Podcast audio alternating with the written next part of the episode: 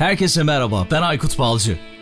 Teknoloji, iş dünyası ve dijitalde trendleri konuştuğumuz Dünya Trendleri Podcast serisinin yeni bölümüne hepiniz hoş geldiniz. Dünya Trendleri Podcast'in 67. bölümüne hepiniz hoş geldiniz. Bu bölümde startup iletişimini konuştuk. Konuğum girişimci Çiğdem Öztabak oldu. Güzel bir yayın gerçekleştirdik. Ben kendi adıma yine çok şey öğrendim. Umarım sizler de çok şey öğrenirsiniz. Umarım yararlı oluruz. Başlamadan önce ufak bir hatırlatmam olacak. 25 Mart tarihinde gerçekleşecek olan medya sponsoru olduğumuz Sıfırdan Globale SaaS konferansı Türkiye'nin ilk online SaaS konferansı olma özelliğini taşıyor. Etkinlik takvimine ve daha fazlasına podcast'in açıklama kısmına bırakacağım linkten ulaşabilirsiniz. Aynı zamanda Twitter, Instagram, LinkedIn ve yeni açtığımız Clubhouse hesaplarından da bizi takip edebilirsiniz. Ve tabii ki Apple Podcast ve Ekşi Sözlük gibi platformlardan yorumlarınızı da bekliyoruz. Aynı zamanda bir Patreon hesabımız da var. Sizin desteklerinizle açtığımız ve desteklerinizi de Patreon hesabımız üzerinden kendinize ait bir abonelik seçeneğini seçerek destek olma şansını yakalayabilirsiniz. O zaman her şeyi söylediğime göre yeni bölüme 67. bölüme başlıyoruz. Bu bölümde Delivery App kurucu ortaklarından ve aynı zamanda CEO'su, Wikipedik Şeyler podcast'inden tanıdığımız, aynı zamanda Popular Science Türkiye podcast'inden tanıdığımız ve aynı zamanda Podfresh ekibinde de yer alan Çiğdem Öztabak konuğum oluyor. Çok da sevinçliyim, mutluyum bir meslektaşımı ağırlıyorum Dünya Trendlerinde. Çiğdem hoş geldin. Hoş bulduk Aykut. Nasılsın? Çok uzaklardasın. Şu anda Hawaii'desin. Evet, bayağı uzaklardayım. Burada şu an gündüz. Sen de gece. Ee, Aynen, Türkiye'ye gece. en uzak noktadayım. Yani Türkiye'ye coğrafi olarak en uzak noktadayım. Ya ben de Türkiye'de değilim zaten. Almanya'dayım biliyorsun. Ee, biraz Aynen. daha yakınız o zaman. Biraz. Evet, evet aynen. Peki çok teşekkür ederim sana podcast'te konuk olduğun için dünya trendlerine. Seni yakından takip ediyorum. Çok güzel işlere imza atıyorsun. Girişiminle ilgili de bu sene güzel şeyler oldu. Onlardan da bahsedeceğiz. Aslında çok teşekkürler. Bu, rica ederim. Aslında bu bölümde startup iletişimi nasıl yapılır diye bir başlık açtık ama işte senin yaşamını, podcast hayatını ve girişimini konuşacağız daha çok. Ama açılışta istersen biraz seni tanıyalım. Ondan sonra da kurumsal hayatı bırakıp girişimci olmaya nasıl karar verdin açıkçası onu merak ediyorum. Süper. Ya aslında sen e, başta söylerken e, bu işte ilgilendiğim işleri saydın. Aslında birçok işle ilgilenmeyi seviyorum. Zaten girişimci bir ruhum vardı benim her zaman. Hani kurumsal hayatta çalışırken de birçok şeyle uğraşıyordum. Hani blog yazıyordum. İşte Eurosport 2'de Dünya Surf Şampiyonası'nı anlatıyordum. Açık Radyo'da program yapıyordum. Oh, oh ee, süper. Ve aynen yazı yazmaya devam ediyordum yani birçok blogda. Ve hani onlar hiç kaybolmadı. Çocukluğumdan beri zaten yazı yazmaya bir merakım vardı. E, dolayısıyla hani kurumsal hayat tabii çok uzun sürdü benim 19 sene. E, çok küçük başladım okuldan mezun olur olmaz. Hem de Akbank'ta başladım. Böyle biraz e, aslında şeye de gireyim yani kurumsal hmm, hayata tabii, tabii. nasıl girdiğime gireyim. Dolayısıyla 6 yıl böyle ben Akbank'ta bankacılığı öğrendim aslında. Bir bankacılık okulu gibi. Ondan sonra da 9 sene Denizbank macerası başladı. Denizbank'ın işte ilk dijital kuşak bankacılığı kurucu ekibinde yer aldım. Yani Birçok iş kolunda çalıştım. Hem perakende hem kobi kolunda. Tarım tarafında bile bir ara tecrübe kazandım diyebilirim. O yüzden ondan sonra da 3 sene bir sigorta şirketinde bir dijital dönüşüm projelerinde yer aldım. Dolayısıyla böyle kurumsal hayat hani hiç, hiç durmaksızın, dur, durduraksız geçti. Ama hep yani dediğim gibi benim kendi içimde yapmak istediğim, kendi kendimi keşfettiğim, öğrendiğim ve farklı yeteneklerimi kullanmak istediğim alanlarda hep eyleme geçmiştim zaten. Hı hı. Delivery'e giden yol da biraz böyle hani o kurduğum arkadaşlıklar, kurduğum network ve işte sürekli fikir alışverişi yaptığımız insanlarla ortaya çıktı. Dolayısıyla böyle hani yine detaylara gireriz ama kısaca böyle anlatabilirim. Süper. Günümüzün yetkinliklerine uygun bir şekilde kariyerini şekillendirmişsin. Çünkü artık bir şey yapanın yani sadece bir şeye odaklananın hiçbir şey olduğu bir dünya yaşıyoruz. Birden fazla yetkinlik olması gerekiyor. O yüzden de böyle birden fazla iş yapmak da eminim sana birçok şey kazandırmıştır. Peki şey yani kurumsal hayatı bırakıp girişimci olmaya nasıl karar verdin? Hani girişte sordum ama girişimcilik hikayesini aslında senden dinlesek çok daha iyi olur. Nasıl başladı senin için? Çünkü herhalde çok zor bir karar olmuştur bu. Çünkü az çok aynı kuşağız. Bizim kuşak böyle şey belli bir yere girip orada çalışıp emekli olma mantığında. Yeni kuşakta çok onu görmüyorum. Böyle bir sene, iki sene, üç sene bir yerlerde çalışıp daha iyi bir yer bulursa oralara gitme telaşında derdinde. Bu nasıl başladı kurumsal hayatı bırakman merak ediyorum açıkçası. Ya aslında böyle kurumsal hayat tabii çok dediğim gibi uzun sürdü benim için ve böyle bir noktada hani yapmak istediklerimi yani kendi bulunduğum organizasyonlarda da yapamadığımı fark ettim. Bunu zaman içerisinde bu arada fark ediyorsunuz ama bunu işin düzeni zannediyorsunuz. Yani hmm. sıra bir gün bana da gelecek şeyi vardı açıkçası. Yani bunu birçok kurumsalda çalışan arkadaşım yaşıyor. Ya bunun birçok aslında parametresi var. Yani Türkiye'de kadın olarak kurumsal bir yerlerde çalışmanın e, farklı algıları var herkes için. Ya da kendi içinde size yaşattığı şeyler, zorluklar var diyebilirim. Ya da sizin kendi yapmak istedikleriniz ve kendi işte çalışma disiplininizle, iş ahlakınızla ilgili şeyler var. Hmm. Ben tabii çok aktif bir insanım. Yani aktif çalışmayı seviyorum ve kalbimi vererek çalışmayı seviyorum. E, o yüzden de şey, işine kendini adayanlar tarafındayım. Yani işe gideyim, geleyim, maaşım yatsın.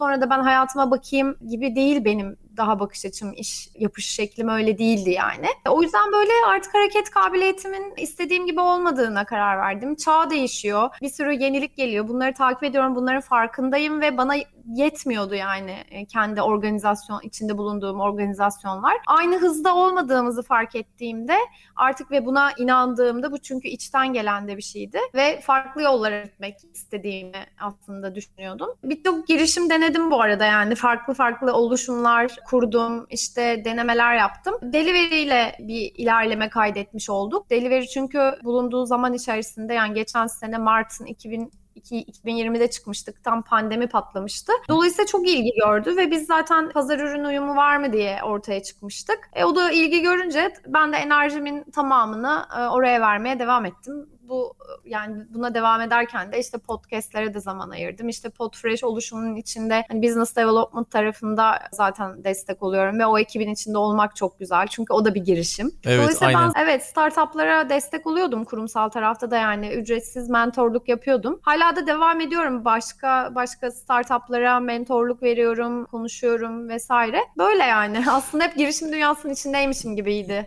Şöyle e, ben ke- kendi açımdan bakacak olursam uzun bir süre yani yaklaşık 10 yıl bir şirkette çalıştıktan sonra oradan ayrıldıktan sonra bambaşka bir hayatla karşılaştım ben. Çünkü senin az önce verdiğin örnek ben işe gittim geldim. Açıkçası maaşım yattı. Kendimi geliştirmek adına da bir şey yapmadığımı fark ettim. Oradan ayrıldıktan sonra. Ama sen bunu kurumsal şirket içerisindeyken de yapmışsın. Şu anda eminim ki kurumsalda çalışıp bizi dinleyen, takip eden podcast severler var. Onlar çok daha farkındadır herhalde. Benim kadar değildir ama ben çünkü bambaşka bir dünya ile karşılaştım. Şu anda onu da okuyayım, onu da izleyeyim, işte o podcast'i de dinleyeyim. Böyle bir hal almış durumda benim açımdan. O yüzden seni tebrik ediyorum kararından dolayı da. Hani o işte zaman zaman podcast'te konuştuk konfor alanından çıkıp Hı-hı, gerçi senin konfor ki. alanında yokmuş. Yani onu da kısıtlamamışsın. Ya ben ee, hep konfor alanımı rahatsız ediyordum yani gerçekten. Evet. Yani kendi kendimi çok hani rahatsız eden zamanımı böyle bölen e, yani şu an yaptığım gibi farklı farklı sepetlere farklı farklı şeyler koyardım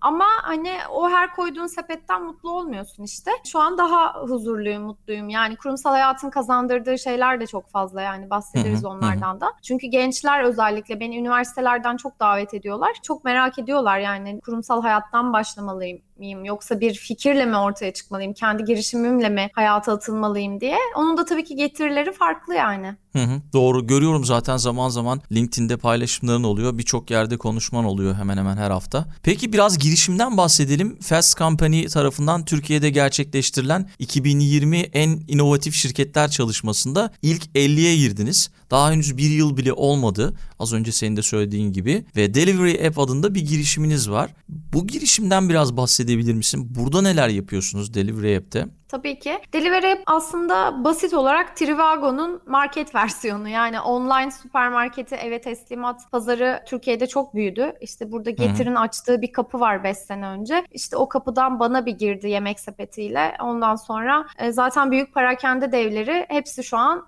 aslında eve teslimat yapıyorlar. İşte instant delivery yapanlar var yani anında işte getir ve bana bir gibi 8 dakikada getiririm gibi bir değer önerileri var. Bir de slot bazlı çalışan bunlar perakende devleri daha fazla fazla. Onlar da hani belli saat ya da belli gün randevusu veriyorlar. E pandemiyle beraber de zaten Trendyol girdi, Avansas girdi, Cepte Şok girdi. Kığılı bile bir giyim markası olmasına rağmen online market teslimat business'ına girmek istedi yani. Dolayısıyla 2019 rakamı çok yüksek. 650 milyon dolar zaten online market eve teslimat pazarının Hı. hacmi. Fakat Ucuzcu pandemi... marketler bile girdi yani. Tabii hepsi ha. girdi. Yani e, A101 girdi, e, Şok BİM girdi. çalışıyor, Hı. Şok girdi, Hı. BİM de çalışıyor. Çok ciddi bir rekabet var orada. E, Trendyol daha böyle hani mahalle bazlı marketlerle anlaşarak girdi. O da farklı bir iş modeli. Daha da girecek olanlar var. Zaten işte bizim hiç bilmediğimiz işte getirin bana benim olmadı ama çok hızlı büyüyorlar tabii onlar aldıkları yatırımlarla da. Mesela Antalya'da çok daha farklı bir aslında sağlayıcı var ve mesela biz başladığımızda Antalya'da yoktu hiçbiri. Getir bana bir vesaire. Hı hı. O, o uygulama daha büyüktü yani. Dolayısıyla biz aslında ne yapıyoruz? Basit olarak bu marketler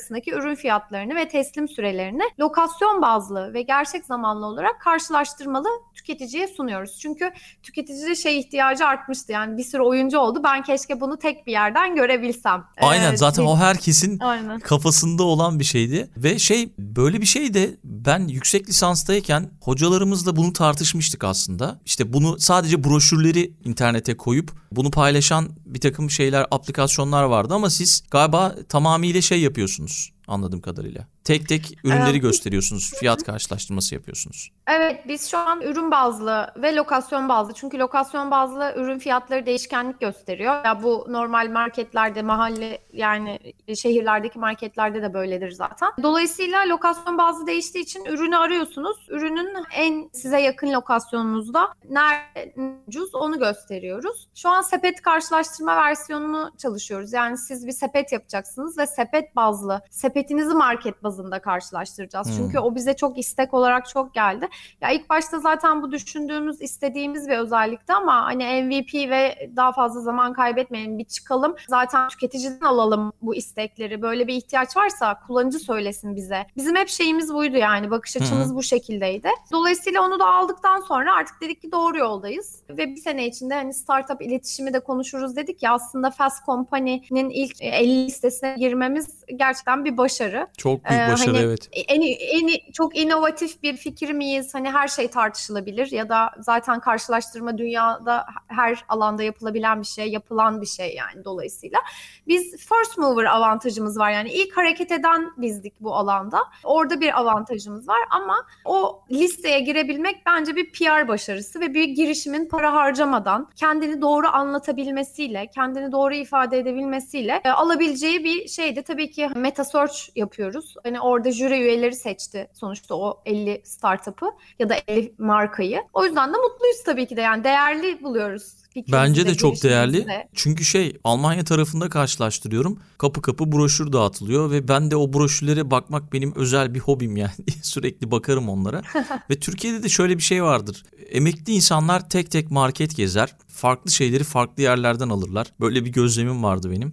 Yani bir ürün nerede uygunsa veya işte taze ise yakınlık da önemli tabii ki. Oralara giderdi ama bu uygulama sayesinde çok daha hızlı bir şekilde ulaşacaklar. O yüzden ben çok başarılı buldum gerçekten. İlerleyen yıllarda da çok daha güzel olacak diye hissediyorum ve inanıyorum da. Bütün ekibi tebrik ediyorum şimdiden. Çok çok teşekkürler. Çok sağ ol Aykut. Rica ederim. Peki bir girişimci olarak satış ve pazarlamadan işte finans, liderlik, idare ve daha fazlasına kadar birçok beceriye ihtiyaç var. Bununla birlikte herhangi bir sektörde bir iş yürütmenin en önemli kısımlarından biri de iletişim. Ve bugün de biz biraz iletişim ağırlıklı konuşacağız. İyi iletişim becerilerine sahip olmak için girişimci için bu zorunluluk mudur? Yani iyi iletişim becerilerine sahip olmak girişimci için zorunluluk mudur diye sorsam sana ne dersin? Ya bence kesinlikle zorunluluk. Tabii şimdi e, bunu derken aklıma bir anda Elon Musk geliyor yani. Elon Musk da bakarsanız girişimci ama hani kaçıncı girişimi ve çok fazla kendini gerçekleştirmiş ve hani success bir başarı hikayesine erişmiş birisi. Mesela Hı-hı. o aslında köşeli bir insan yani hani kimseye eyvallahı yok diyebileceğimiz Aynen. türden ve kendi iletişim tarzını kendisi belirliyor artık. Burada işte biraz karışıyor. Yani yeni girişimciliğe atılmış insanlar bazen Elon Musk benim rol modelim diyebiliyor ama yani rol modelin ama yani hangi tarafını almalısın Elon Musk'ın? Yani burada bence e, ufak bir nüans var. Ben kesinlikle senin sorunun cevabını evet olarak söylüyorum. Hı. Kesinlikle e, e, iletişimin iyi olması gerekiyor. Yani esnek olmalısın. İletişiminin o böyle nezaket ve kendini anlatma tarafında böyle üst perdeden değil de yani doğru düzgün, dümdüz, direkt hani neyse onu anlatmak. O fikre böyle hani bunu zaten herkes söylüyor ve ben de katılıyorum yani o fikre aşık olmamak e, ama doğru anlatmak. Yani hı hı. tabii ki kalbini veriyorsun yani işe, fikre inanıyorsun. O iletişimin açıkçası çok pozitif olması gerekiyor bence. Geri bildirim veren. Ya mesela Elon Musk'ın örnek aldığım şeylerinden bir tanesi. Fikrini anlattığı insanlara yakın çevresine en önce neyi beğenmediniz diye soruyor. Hmm, neyi beğenmediniz? Anladım. Evet yani bu da bir iletişim kurma biçimi ve yani geri bildirim almanın güzel yollarından bir tanesi. Ama biz birilerine bir şey anlattığımızda ya da ben de görüyorum hani agresif insanlar da olabiliyor ya da işte yatırımcılarda da olabiliyor bu arada ama kendi iletişim düzeyini ve iletişim tonunu korumak bence güzel bir şey. Yani insana esneklik ve güç veriyor ve kazandırıyor da kesinlikle kazandırıyor A- yani. Aynen doğru söylüyorsun. Zaten şey Elon Musk galiba şirketin halkla ilişkiler bölümünü mü kapatmıştı? Kurumsal iletişim bölümünü mü kapatmıştı? Evet. Gerek yok evet. zaten ben yapıyorum diye. Aynen. Yani o daha çok daha etkili bir şekilde yapıyor. Yani evet başka bir case zaten dediğim gibi yani Elon Musk her şeyini örnek alıp ben de Elon Musk gibi yaparım yapayım o zaman dememiz zaten hiç gerçekçi değil. Hı hı. Ama onun pozitif katkılarını almak bence çok daha doğru yani. Hı hı. Peki ne gibi becerilere sahip olmak gerekiyor iletişim anlamında? Yani bir tanesini söyledin net olmamız gerekiyor. Onu söyledin. Onun dışında böyle söyleyebileceğin şeyler var mı? Ya girişimcilik demek aslında olasılık yaratmak demek. Yani hı hı. olasılıklara çok açık olmanız lazım. Olasılık yaratmaya hevesli olmanız lazım. Olasılık yaratmaktan çekinmemek gerekiyor. Yani ben gitmeyeyim onlar bana gelsin. Bazen böyle bir tavır olabiliyor. Dolayısıyla hani orada o nüansları yani sizin stratejinize göre belirlediğiniz şeyleri çok böyle ayrı düşünmemek gerekiyor. O yüzden de o olasılık yani girişimcilik dedim ya, ya olasılık yaratmak. Olasılık yaratma konusunda güçlü olun, kararlı olun diyebilirim ve kendinizi anlatmaktan ve tekrar etmekten hiç vazgeçmeyin. Ben bir kere belki seninle bunları aynı şekilde belki gerçekten 200-250. falan anlatıyorum. Yatırımcılara ayrı anlatıyorum. Öğrencilerle konuştuğumda ayrı anlatıyorum ya da işte farklı podcastlere konuk oluyorum falan. Ya sonuç itibariyle kendini tekrar etmek kötü bir şey değil. Kendini tekrar etmekten sıkılıyorsan zaten hani orada olmamalısın demektir. Hı. Ve network'ünün değeri aslında kurumsal hayatın bana en çok getirdiği ve kattığı şeylerden birisi iyi ilişkiler, iyi iletişim ve o iyi iletişimin sonunda o network'e benim tekrar ulaşabilmem. Yani kendini besleyen bir orada ekosistem var yani. Ee, Aynen. dolayısıyla network'ün önemi, network ilişkileri diyebilirim. Yani o ilişkiler çok önemli. Sen de verici olacaksın. İhtiyacın olduğu zaman da iste istemeyi bileceksin. Çünkü is- sen istemezsen kimse sana senin bir ihtiyacın olduğunu söylemiyor. Buradan da Steve Jobs'a bağlanabiliriz aslında. Doğru, evet yani doğru. Evet, ya, böyle bu, yani. Bu, bunu şöyle mesela podcast'e bağlayayım buradan. İşte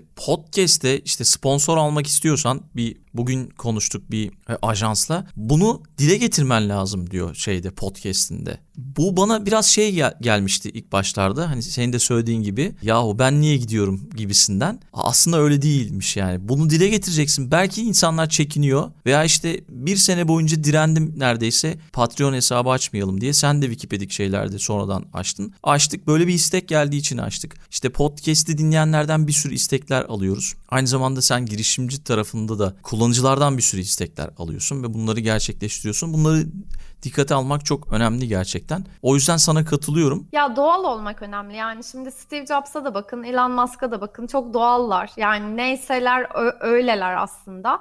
Tabii ki onların da yaptıkları bir sürü hatalar var ve onları da anlatıyorlar da. E biz de şahit olduğumuz için onlardan ders alabiliyoruz. Biraz önceki kurduğum cümle şuna işaret ediyordu. Yani sen istemeden, ihtiyacını belirtmeden kimse gelip sana senin ihtiyacın bu demeyecek yani girişim dünyasında ya da herhangi yaptığın herhangi bir işte bu arada bir kurumsal hayatta çalışan da olsan e, istemeyi bilmek gerekiyor. Bunu yaparken de doğallık çok önemli. Doğal olmak gerekiyor. Yani belli kalıplara girişimci böyle davranır. İşte girişimci şöyle davranmaz falan gibi. Ben çok bunlara inanmıyorum. Çok öznel şeyler bunlar. Herkesin kendini ifade etme biçimi de farklı.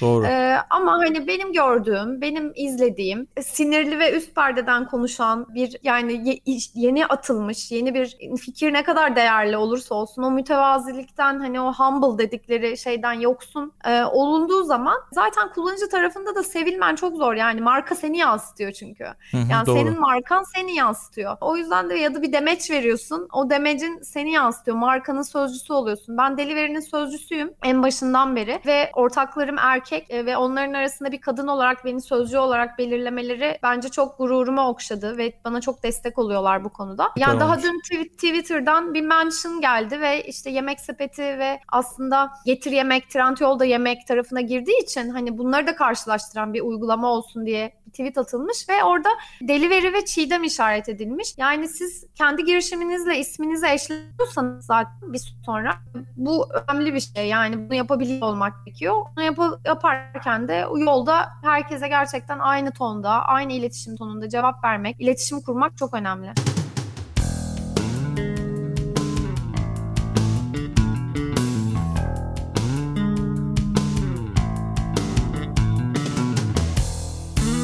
Peki siz bu pandemi döneminde bir an önce bu işe girişmeliyiz diye bir plan çizdiniz mi yoksa tamamen denk mi geldi? Evet valla tamamen denk geldi. Biz Aralık'ta çalışmaya başladık. Daha ortada pandemi yoktu. Yani e, Aralık'ta işte oturduk. Slack ortamında bir araya geldik. Ondan sonra da hani fikri tartışarak hep birlikte bir MVP'ye doğru gitti. İki ayda da MVP'yi çıkardık zaten. Biz MVP'yi çıkarmamız pandemiye denk geldi. Yani bize Aralık'ta deseler diye biz zaten Aralık'ta bu arada tamamen Slack'ten yaptık uygulamayı. Hiç kesinlikle bir araya gelmedik. Bir kere bir kere yemek yedik sadece. Ne yani diyorsun böyle ya?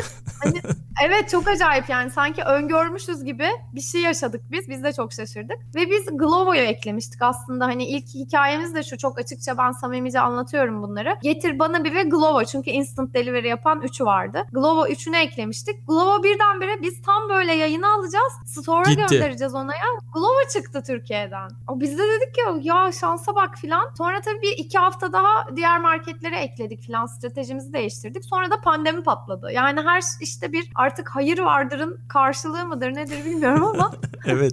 yani ve ilk giren biz olmuş olduk. Bu ilk girmek gereken bir avantaj arada. Çünkü hani işte Akak'ta ve Cimri var senelerdir hani e-ticaret tarafına karşılaştırma yapıyorlar. Dolayısıyla bu pazarın büyüyeceğini öngörmek, tüketicinin oradaki ihtiyacını fark etmek falan e, güzel nüanslar. E, o yüzden de iyi gidiyor yani. Hala şu an devam edeceğiz yani yolumuza. Yatırım da aldık. E, şirketleşme sürecindeyiz. Hı hı. Umarım başarırız ve yolumuza devam ederiz. Dikenli yollar bu arada ama yapacağız yani. Süper. Sadece şu anda Türkiye'yi mi hedefliyorsunuz? Yani globalde de çalışmalar var mı? Global business planımız hazır. Türkiye'deki yatırımcıların çoğu bu arada global planı olan ve globale açılabilme potansiyeli yüksek girişimlere yatırım yapmak istiyorlar artık. Yani benim son bir senedir gördüğüm o. Global business planımız var. Hani Türkiye'de belli bir büyüklüğe ulaştığımızda paralelde ve yani bunun için yatırım almamız gerekiyor tabii ki. Globale hızlıca açılacağız. Çünkü globalde de bu alana fokus olan henüz productlar yok. O yüzden orada da first mover avantajı kullanılabilir. Bu Londra'da çok büyük bu pazar bu arada. Ondan sonra İtalya'da, İspanya'da büyük. EMEA bölgesinde büyük. Amerika'da zaten çok büyük filan. Yani bakalım biraz da böyle içeri gelen yatırımcıların vizyonuyla da alakalı bir e, böyle orada bir pivot etme durumu olabilir. Almanya'da da çok fazla ve çok güzel startuplar var bu arada. Ben Almanya'daki startup ekosistemini yakından takip ediyorum. Orada Gorillaz mı vardı ya da Gorilla mıydı?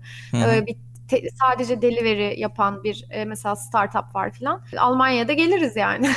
Bence gelin. Türkiye'yi halledelim. Peki tanıtım, girişimi tanıtmak için bir plan oluşturdunuz mu? Ya da nasıl bir plan oluşturur girişimciler ya da oluşturmalı? E, bu konuda neler Hı hı. söylersin? Ha, bir kere girişim hani e, paranız yoksa eğer sermayeniz yoksa hemen yatırım almadıysanız bir kere bunu bedavaya da yapabilirsiniz. Yani illaki çok büyük paralar harcanmasına gerek yok. Biz Hı hı. nitekim öyle yaptık. Benim sözcü olmamla beraber network'üme duyurmam zaten kurumsaldan beri kazandığım, takip ettiğim, beni takip eden insanların hepsi bir anda duymuş oldu. E, ve bu iletişimi sürekli tekrarladım. Yani ben Delivery ismiyle eşleştim. Dolayısıyla kurucu ortağı ya da kurucusu olduğunuz, sözcüsü olduğunuz girişimle ilgili sürekli iletişim yapmalısınız. Hı hı. Özellikle LinkedIn'den ve Twitter'dan. Dolayısıyla biraz iş dünyası çünkü buralarda dönüyor. Clubhouse'da açıldığından beri Clubhouse'da da ben Delivery'nin iletişimini yapmaya devam ediyorum. Daha cumartesi akşamı 500 kişiye sunum yaptım. Elevator bu asansör sunumu dedikleri sunumdan Hmm. yaptım. Bundan hiç bıkmıyorum, hiç yılmıyorum. Orada beni daha önce dinlemiş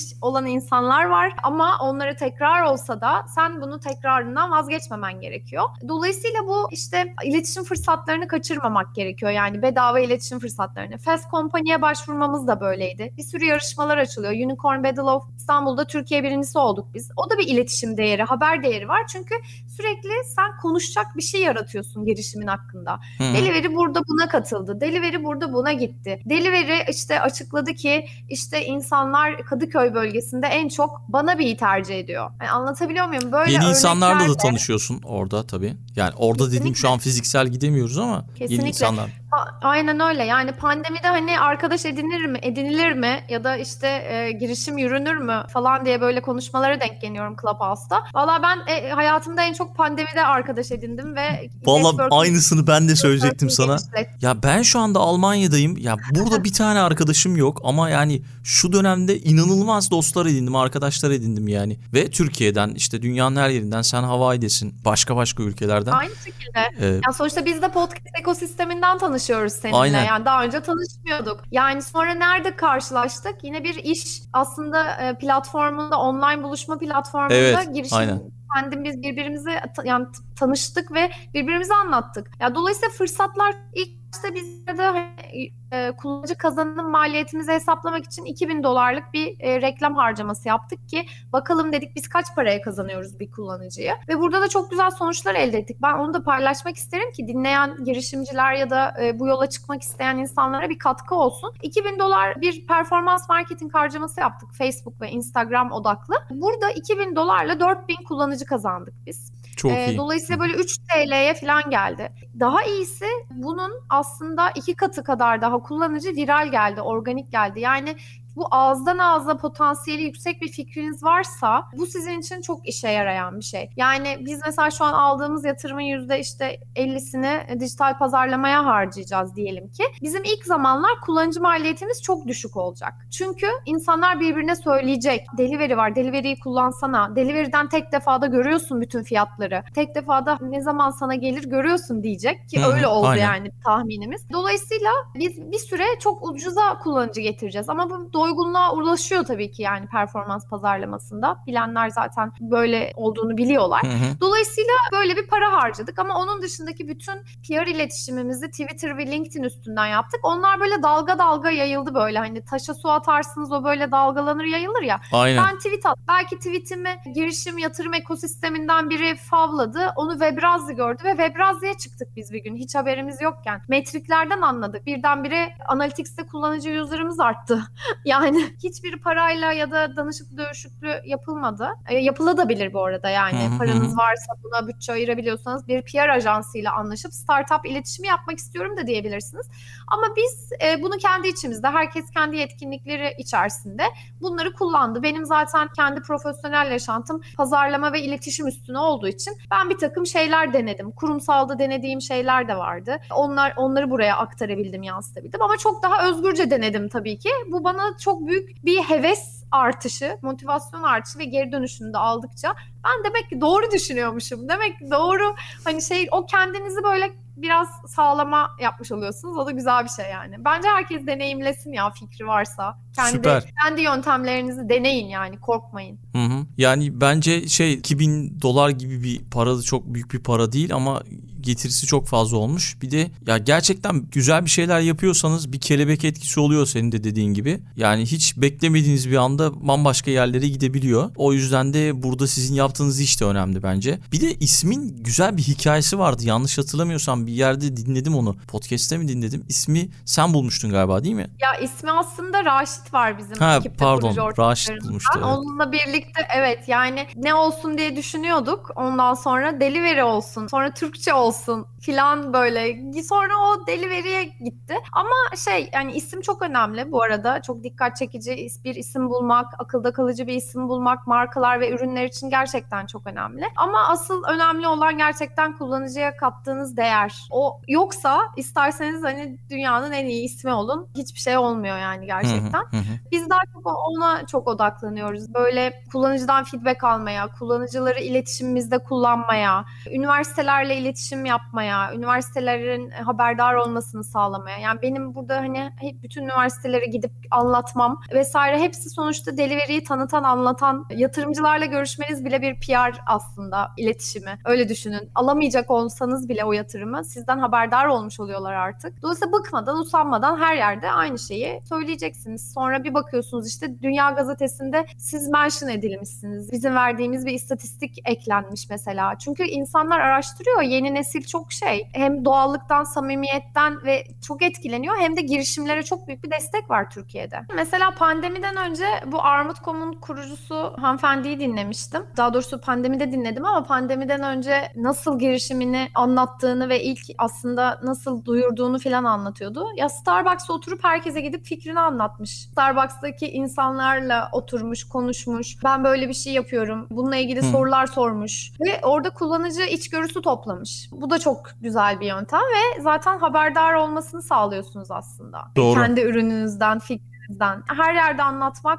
kesinlikle çok faydalı. Kesinlikle yani o fırsatları görmeniz lazım. O fırsatlara çok açık olmanız lazım. Hemen yakalayacaksınız ve üşenmeyeceksiniz. Bir sürü işte form dolduruyorsunuz. Bu arada upuzun formlar oluyor. Ya ama üşenmeden, bıkmadan, yapma yani usanmadan yapmak gerekiyor. Çünkü sonunu düşünün hep. Yani güzel bir şey olacak. En azından bir kişi bile delivery'den haberi olsa bir katkı. O yüzden bıkmadan, usanmadan, bu fırsatları kaçırmadan o iletişim fırsatlarını yakalamak gerekiyor. Hı hı. Peki pandemiden de bahsettik biraz ama pandemiyle neler değişti iletişim tarafında? Pandemiyle birlikte tabii ki iletişim tarafında çok daha hızlı bir akış meydana geldi. Çünkü herkes iletişim stratejisini değiştirdi. Özellikle offline operasyonları olanlar, offline merkezleri, mağazaları ya da offline'da kendilerini var edenler zaten online'a döndüler. E, online'a döndükleri zaman iletişim kalabalığı oldu. O kalabalığın içinde sıyrılmak gerek tabii ki de. Buradan herkes sıyrılmak istiyor. Ya o da işte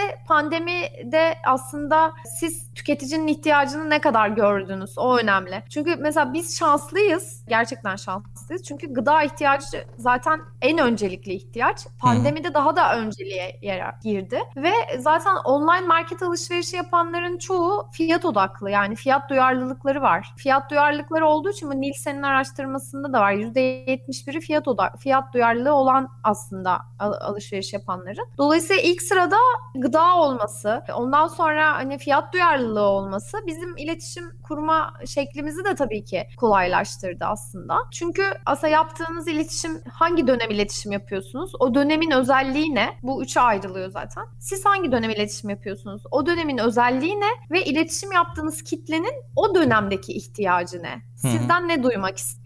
Ve hani bu üçlü matematiği, bu formülü kendi markanız, kendi ürününüz için oturttuğunuz zaman zaten hani doğru iletişim yapmış olabiliyorsunuz. Mesela ben Twitch'te bir şey denemiştim. Bir iletişim denemiştim. Twitch'te yayın yapan bir arkadaşım vardı. Onunla böyle bir şey hani delivery'den bahsedelim mi yayın arasında falan gibi böyle hani ücretli bir şey yapmıştık. Mesela onun hiçbir faydası olmadı. Ama ne Hmm. yaptık? Denedik. Zaten ilk harcadığınız her şeyi test and learning olarak görmeniz lazım. Ve o testi yapacaksın ki işe yaramadıysa bir daha kullanmayacaksın Evet. gibi. TikTok denediniz Yani o- mi? Yok TikTok hiç denemedik. TikTok aklımızda ve e, aklımızda da vardı ama ona hem efor hem de bütçe ayıramadık. Belki şey yatırım sonrası dijital iletişim planlarımıza ekleyeceğiz TikTok'u. TikTok çok şey bir pazarlama aracı. Bizim bilmediğimiz bir dünya var orada. Ben TikTok kullanıcısı değilim ama mecranın ne kadar marketing ve iletişime yatkın olduğu çok ortada zaten. O yüzden mutlaka kullanacağız ve bu aslında kendi network'ümüze ve kendi iletişim biçimimize de devam edeceğiz. Yani Hı hı. performans marketing her zaman olacak, olmalı. Kitlenerse YouTube'da da anlatmak lazım. İşte üniversiteler de buna bir örnek falan. Dolayısıyla bütün mecraları kullanmak gerekiyor gerçekten yani. Clubhouse da herhalde son dönemde güzel oldu. Oradan da iyi geri dönüşler geliyordur. Clubhouse gerçekten ben Clubhouse'da da çok insanla tanıştım. Hatta yani Hawaii'de bile tanıştım yani. Hmm, gördüm Hawaii'de... Twitter'da paylaştın üçünüz fotoğrafınızı.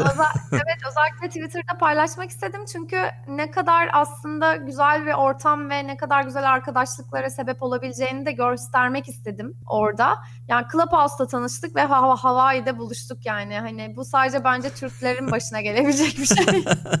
Doğru vallahi bravo tebrik ediyorum. Vallahi her şeyi sordum herhalde. Biraz da podcast'ten bahsedelim istersen.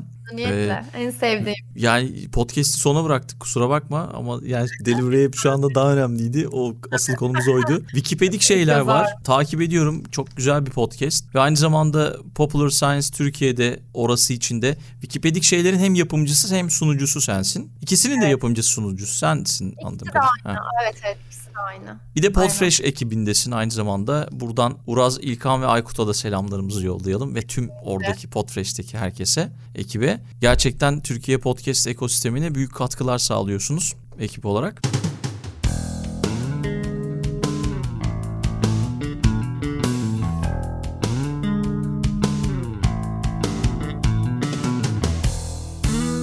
Neler yapıyorsun Wikipedik şeylerde? İstersen ondan da bahset. Popular Science Türkiye podcast'inde neler yapıyorsun? Ya çok seve seve bahsederim. Wikipedik şeyleri de aslında yayın alalı bir seneyi geçti. O yüzden de çok mutluyum. Wikipedik şeyler böyle hani işte hayal edip hayal edip işte ismi böyle olsun, şöyle bir konsepte olsun diye kendi kafamda kurguladım ve aslında hani hayata geçirdim. Benim girişimlerimden bir tanesi yani bu podcastlerin hepsi aslında kendi girişimlerimiz bizim. Aynen. Dolayısıyla monetize farz ettiğin durumda da zaten side hustle dedikleri o gelir kaynağın olmuş oluyor. O yüzden hani böyle bir hobi projesi gibi başlamadım ben açıkçası Wikipedik şeylere. Bunu bir gerçekten bir proje olarak ve bir benim hani side hustle'ım olsun diye başladım. Çünkü kurumsal hayattayken başta konuştuğumuz gibi senin de yaşadığın hiç kendimi geliştiremiyorum ben. Kendime zaman ayıramıyorum ve bir şeyleri kaçırıyorum. FOMO çok fazlaydı. Zaten araştırmayı falan seven bir insanım. O yüzden de beni böyle içten içe kemiriyordu, yiyordu. Wikipedik şeyler benim onu onu atmamı ve kendimi de geliştirmemi de sağladı. Çünkü bir, bir şeyleri öğrenmenin en iyi yolu birilerine anlatmaktır. Öncesinde de da... çalışıyoruz tabii. Yani o da var. Aynen.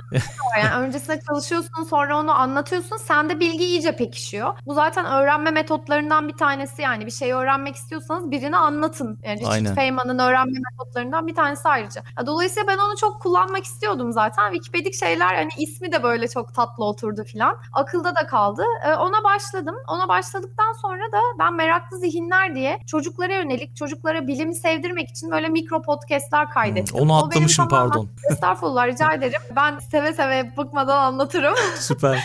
o da pandemide benim aklıma geldi açıkçası. Ben çocuklara yönelik bir şey yapmak istiyorum diye. Ya Popular Science bana meraklı zihinler sayesinde geldi aslında. Ben Popular Science'a ulaşmıştım. Meraklı zihinleri bir dinlemek ister misiniz? Belki sponsor olmak istersiniz falan diye. Sonra onlar Wikipedik şeyleri dinlemişler. Dediler ki biz Wikipedik şeyleri çok beğendik. Hani çocuklar için şu an öyle bir isteğimiz veya öyle bir stratejimiz yok ama siz bizim için podcast yapar mısınız Popular Science kanalından? Bunları konuştuk ve ben de çok mutlu oldum. Popular Science benim e, ilk Türkiye'ye ilk geldiği andan beri aldığım bir dergi. Ee, o yüzden de bu bana onu getirdi. Yani o yüzden hani o olasılıkları yaratma konusunda çekinmeyin lütfen. Yani hı hı. herkese yazın, konuşun. Kimin neye ihtiyacı olduğunu bilmiyoruz. Akıl okumayalım ve yazalım yani kendinizi anlatın. Çağ öyle bir çağ zaten. Kendini anlatan, kendini doğru, samimi, tatlı, doğal, pozitif anlatan, herkese çok açık kapılar sunan bir çağdan geçiyoruz. Ve bunu kullanmak lazım yani hayallerimizi gerçekleştirmek için. Popular Science da öyle oluştu.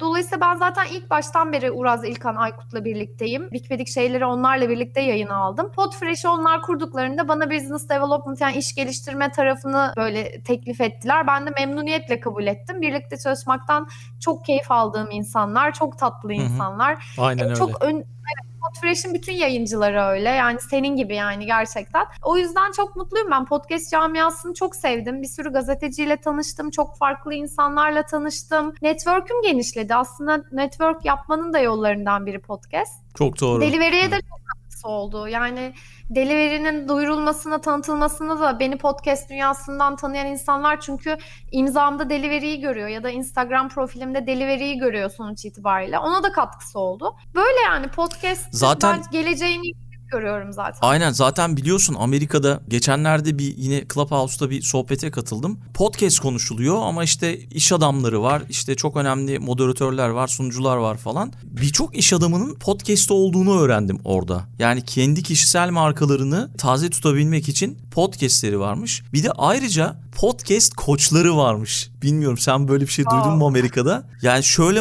sohbetler falan döndü işte podcast koçuna kaç lira veriyorsun ayda? Sen ne kadar veriyorsun falan? Memnun musun ondan gibi gibi şeyler. Ben inanamadım yani hani iş adamının bir podcast'i var ve aynı zamanda bir podcast koçu var. Yani iş şimdi tamamen buraya gitmiş durumda. Bilmiyorum tabii, tabii Türkiye'de yani, bu kadar yani ilerler mi? ekleme yap ilerleyebilir çünkü ya Amerika'da bu arada her şey paraya çevriliyor yani. Ben de onu gelince gördüm. Yani herkes her şeyi paraya çevirme potansiyeli çok yüksek. Ya podcast koçu da çok mantıklı bence. Çünkü iş adamı ve kimse sen podcast hazırlamanın ne kadar zaman aldığını ve ne kadar yani. emek gerektirdiğini biliyorsun zaten. Dolayısıyla şey adamın ona vakti yoktur. Muhtemelen içerik stratejisini anla ve bak şunu anlat, bunu anlat. Yani aslında e, Amerika'da bireysel sosyal medya danışmanlığı da çok fazla bu arada. Yani sen hesabında böyle şeyler anlatmalısın, böyle şeyler paylaşmalısın falan.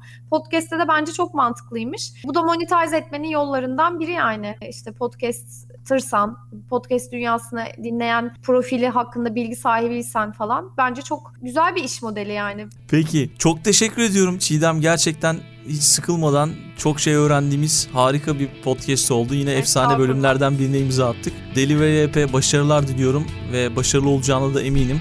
Podcast'lerini de takip edeceğiz. Bütün açıklamaları podcast'ın açıklama kısmında linkleri bırakacağım. Geldiğin için çok sağ ol, konuk olduğun için. Çok çok teşekkürler. Ben çok teşekkür ediyorum beni davet ettiğin ve bu güzel sohbet için. Şimdiden ellerine sağlık. Umarım bol dinleyicisi olur. Bana da ulaşmak isteyenler olursa zaten LinkedIn'den, Twitter'dan ismin soyadımla Çiğdem Öztabak Clubhouse'dan beni bulabilirler. Herkese çok iletişimim açık. Ayrıca özellikle kadın girişimcilere ve öğrencilere ücretsiz mentorluk da ben yapmaya çalışıyorum. Ekosistemi genişletmek için. Bunu da burada buradan böyle paylaşmış olayım. Süper. O zaman teşekkür ediyoruz tekrar bölümü kapattık. Dünya Trendleri Podcast serisinin bu bölümünün sonuna geldik. www.dünyatrendleri.com Twitter'da @dünya_trendleri, Instagram'da dünya.trendleri adreslerinden Dünya Trendleri Podcast'i takip edebilirsiniz.